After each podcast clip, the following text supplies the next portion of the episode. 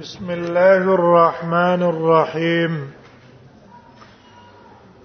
باب ما جاء في السواك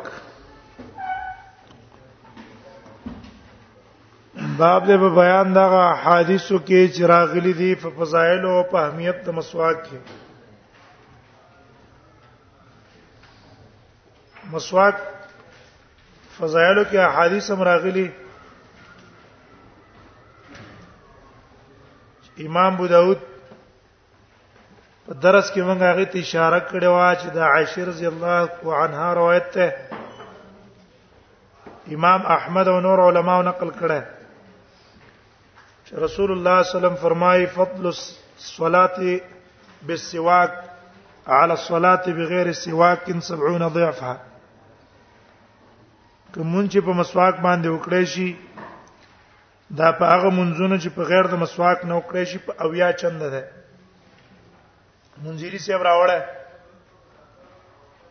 خو بیا وای فی القلب من هاذ الخبر شی زما په زړه کې لږ خطر ده اگر کې ابن خزیمه او د نور علماء راوړل خو زما په زړه کې خطر ده چې دا حدیث به ضعیف وي فإني أخاف أن يكون محمد بن إسحاق لم يسمعه من ابن شهاب کې دې شي محمد ابن اسحاق په داده زهري نه اوریدل نه لیکن امام حاکم تصحیح الاسناد ویله سویل اسناد دویم فضیلت ابن عباس روایت ده عبد الله ابن عباس روایت کړي رسول الله صلی الله علیه وسلم فرمایي لا نصلي رکعتين بسواک زه دوه رکعات د مسواک سره وکم مسواک وامه ما به رستو دوه رکعات وکم احب الي من ان اصلي 70 ركعه بغیر سواک دا ماته محبوب دي دینه چې او یا رکعات حکم په غیر د مسواک نه دا روایت کو ابو نعیم راوړی او اسناد یې بالکل صحیح دی ترغیب او ترهیب والا ما نقل کړه نو اس مصنف هم د مسواک احادیث راوړي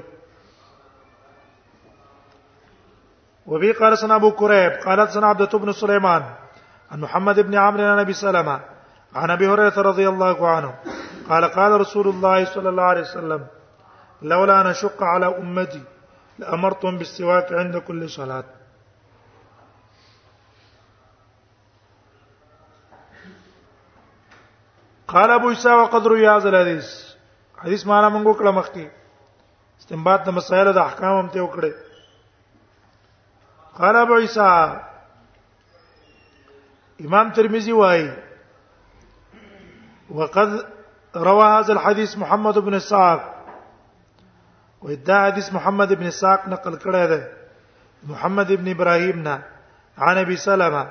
عن زید ابن خالد د ابو هريره په ځای باندې اے عبدته ابن سليمان را لګیدل وګوره پاس سند کې عبدته ابن سليمان را لګیدل د نقل کړي د محمد ابن عمر عن ابي سلمہ عن ابي هريره ابو هريره مسند ګرځواله لیکن محمد ابن اسحاق را لګیدل محمد ابن اسحاق هغه دا روایت نقل کړی دی د محمد ابن ابراهیم نه او محمد ابن ابراهیم دا نقل کړی د ابو سلمہ نه وزګورا عبد ابن سليمان د ابو سلمہ شاګرد محمد ابن عمر دی هغه دا روایت د ابو سلمہ نه نقل کو او مسند د ابو هريره وګرځاو او محمد ابن ابراهيم را اولګه د ابو سلمہ نه نقل کو او مسند د زید ابن خالد وګرځاو ان زید ابن خالد ان النبي صلی الله علیه وسلم نو ګوره یو دواړه د ابو سلمہ شاګردان دي دواړه محمد ابن ابراهيم مسند زید ګرځولې او محمد ابن عمر مسند د ابو هريره ګرځولې اوس امام ترمذی وایي چې وحديث ابي سلمہ عن ابي هريره وزيد بن خالد عن النبي صلى الله عليه وسلم كلاهما عندي صحيح واذا دواړه زما په نسبت باندې صحیح دي دا روایت ابو سلمہ د زید نه اوریدل هغه څه نقل کړه محمد ابن ابراهيم ته نقل کړه او دا حدیث ابو سلمہ د ابو زید ابن خالد نم نقل کړه او بل هغه شان نقل کړه دوړز ما په نسبانه صحیح دي لانه قد روي من غیر وجه نبی هريره زګه دا نقل شوی د ابو هريره نه په ډیرو طریقو عن النبي صلی الله علیه وسلم هاذا الحديث بیاوی وحدیث ابي هريره انما صح وحدیث د ابو هريره څخه صحیح دی لانه قد روي من غیر وجه دا په مختلفو سندونو نقل لای نو چې مسند دواړه صحیح دي لیکن چې مسند د ابو هريره کې دا ډیر راجح دی په نسبت د زید خو اما محمد خو امام بخاری فزعم غوای ان حدیث ابي سلمہ ان حدیث ابي سلمہ یقینا حدیث د ابي سلمہ عن زید بن خالد زید بن خالد نه اصح هغه د دویم له تسیور کړي او تسویه لولې ور کړې وجه دا د حافظ ابن حجر وایي اگر که امام ترمذی دوانو تسویه ویله او امام بخاری د محمد ابن ابراهیم طریقې له ترجیح ور کړې چې دا حدیث د مسند د زیات ګرځواله یو وجه دا ده چې په دې کې دا قصه شته د زید ابن خالد کې دا قصه ده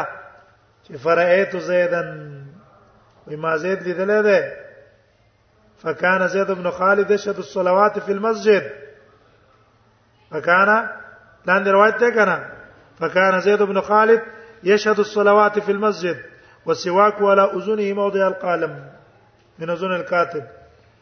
دغه زیادت پر روایت د زید کې شته او دا زیادت په چا کې نشته په حدیث د ابو هريره کې نشته دغه غراج کړه دی وجه د روشانه ده ده یزو سیواک من ازن الكاتب دویم دا ده چې د روایت ته زید له ترجیح دی وجنه ور کړه چې د محمد ابن ابراهيم سره متابع شته هغه څوک شته متابع لکه څنګه چې محمد ابن ابراهيم دا روایت د ابو سلمہ نه نقل کړی دی او مسند د زیات ګرځولې دقه سي د دې ابو سلمہ بل شاګرد یحیی ابن ابي كثير يحيى ابن ابي كثير دا يحيى ابن ابي كثير هم شاګرد دی د ابو سلمہ دا غنه امام احمد روایت نقل کړی دی او هغه هم د قصې روایت نقل کړی دی هغه په سند کې دي ان يحيى ابن ابي كثير قال حدثنا ابو سلمہ عن زيد بن خالد چې قال رسول الله صلی الله علیه وسلم لولا ان شق على امتي لامرتم بالسواك عند كل صلاه نو دیوژن امام بخاری ترجیح د روایت د زیات لور کړه او حدیث د بوریرم صحیح دی او امام ترمذی دا هغه پولټه باندې ترجیح چاله ور کړه حدیث د ابو هريره لور کړه او ابو هريره له ولې ترجیح ور کړه کثرت الطرق چې هغه په ډیرو طریقو باندې نقل لای او امام بخاری چې ترجیح ورکړي د څو جنې ورکړي متابعت د وجنه کړه یو متابعت د وجنه بل د زیادت د جملې د وجنه د جملې د وجنه وفي الباب عن عن ابي بكر الصديق وعلي وعائشه وابن عباس وابن عباس وحذيفه وي په دې باب کې دا نور روایتونه هم دي په دې کې د دې صحابونو احادیث نقل په فضیلت د مسواک کې د ابوبکر صدیق روایت امام احمد راوړی ابو یعلا راوړی لفظ ذا السواك مطهرة للفم مرضاة للرب او هيثمي صاحب مجمع الزوائد کې وی رجال ثقات مگر دا روایت منقطع ده ولی الا ان عبد الله ابن محمد لم يسمع من ابي بكر او دا علي روایت دا علي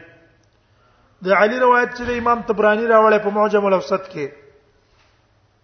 الفاظ دي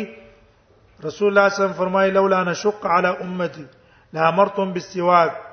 مع كل عضو هسمی وی په دې کې ابن اسحاق له ثقه مدلس ته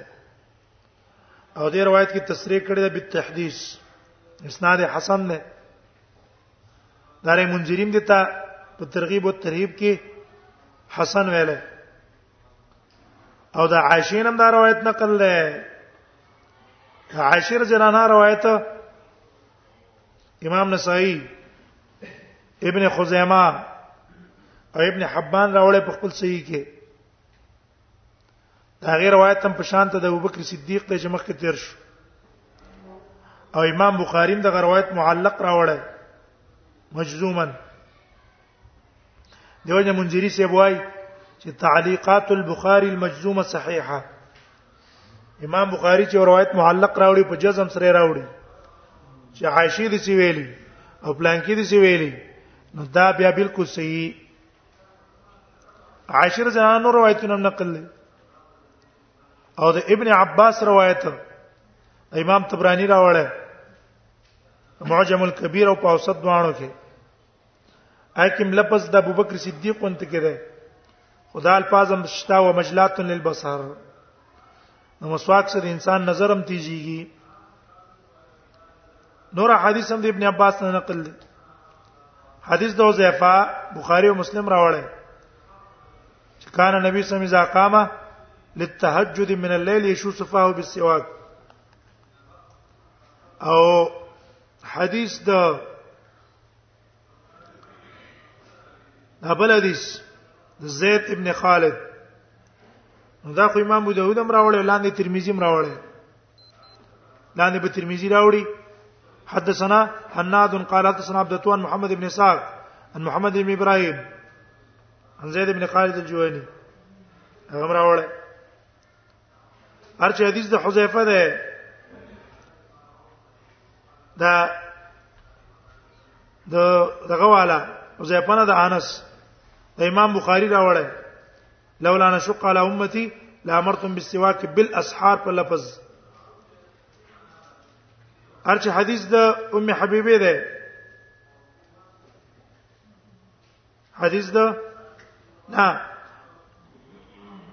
انس روایت کې بل اسحار لفظ نشته پاکي لفظ دا دی اکثر تو علیکم فی السواک ما تاسو ډېر حکم کړی په مسواک حدیث د عبد الله ابن عمر ابو نعیم راوړی په کتاب السواک کې الفاظ دا دي لولا نشق على امتي لامرتهم بالسواك بالاسحار سند کې ملي عاده ثم حبيبي روایت امام احمد راوړل ابو يعلى راوړل الفاظ دي سمعت رسول الله صلى الله عليه وسلم يقول لولا ان شق على امتي لامرتم بالسواك عند كل صلاه او سمي واي رجاله ثقات حديث ابن عمر امام احمد راوړل عليكم بالسواك مسواک وای زګه خلم پاکي مرضات للرب ده نور حدیث هم دا غنه نقل دي دا په امام روایت ابن ماجه راوړل لفظ تسوکو فإن السواك مسواک استعمال کوي مسواک چې مطهره للفم مرضات للرب ما جاءني جبريل الا وصاني بالسواك اروخ جبريل لاغله ماته په مسواک وصیت کړه حدیث د ابو ایوب امام احمد ترمذی راوړل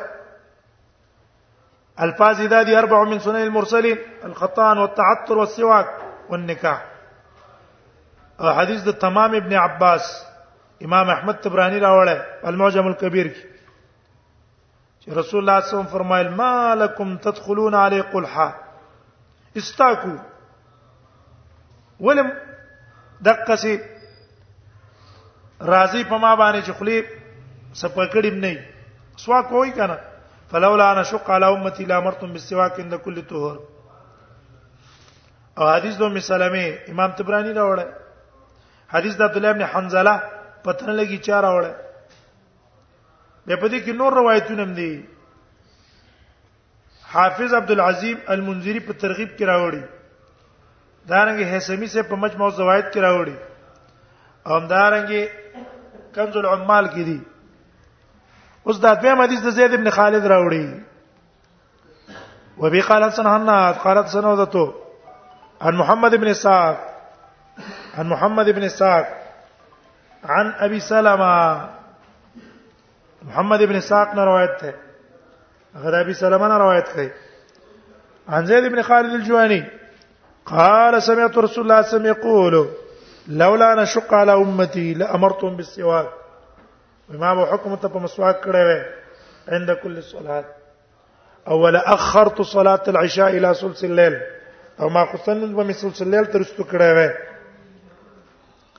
قال فكان زيد ابن خالد يشهد الصلوات في المسجد زيد ابن خالد په جمعه ترات له حدیث موږ بیان کړي چې دا د زید ابن خالد ځان له خبره نه ده بلکې د زید ابن خالد څخه د ټولو صحابه طریقه وا ځکه مخکې د عباده ابن صامت روایت موږ نقل کړو چې کان اصحاب رسول الله صلی الله علیه وسلم د نبی صلی الله علیه وسلم صحابه به جمعه ته راتله او مسواکونه په غوګونو کې یو دا طریقه د ټولو صحابه شوه هشد الصلوات فی المسجد وسواک والا وذنه او مسواک په غوګونو باندې خو حکمت ته موږ بیان کو موضع القلم زیاده قلم من وزن الكاتب لا يقوم الى الصلاه الا استنى دا به مانځه ته نه پاتې کوم مګر مسواک به استعمال کو ثم رده الى موضعه به به خپل ځای ته بیت واپس کو قال ابو ساوي هذا حديث حسن صحيح حديث حسن ده صحيح ده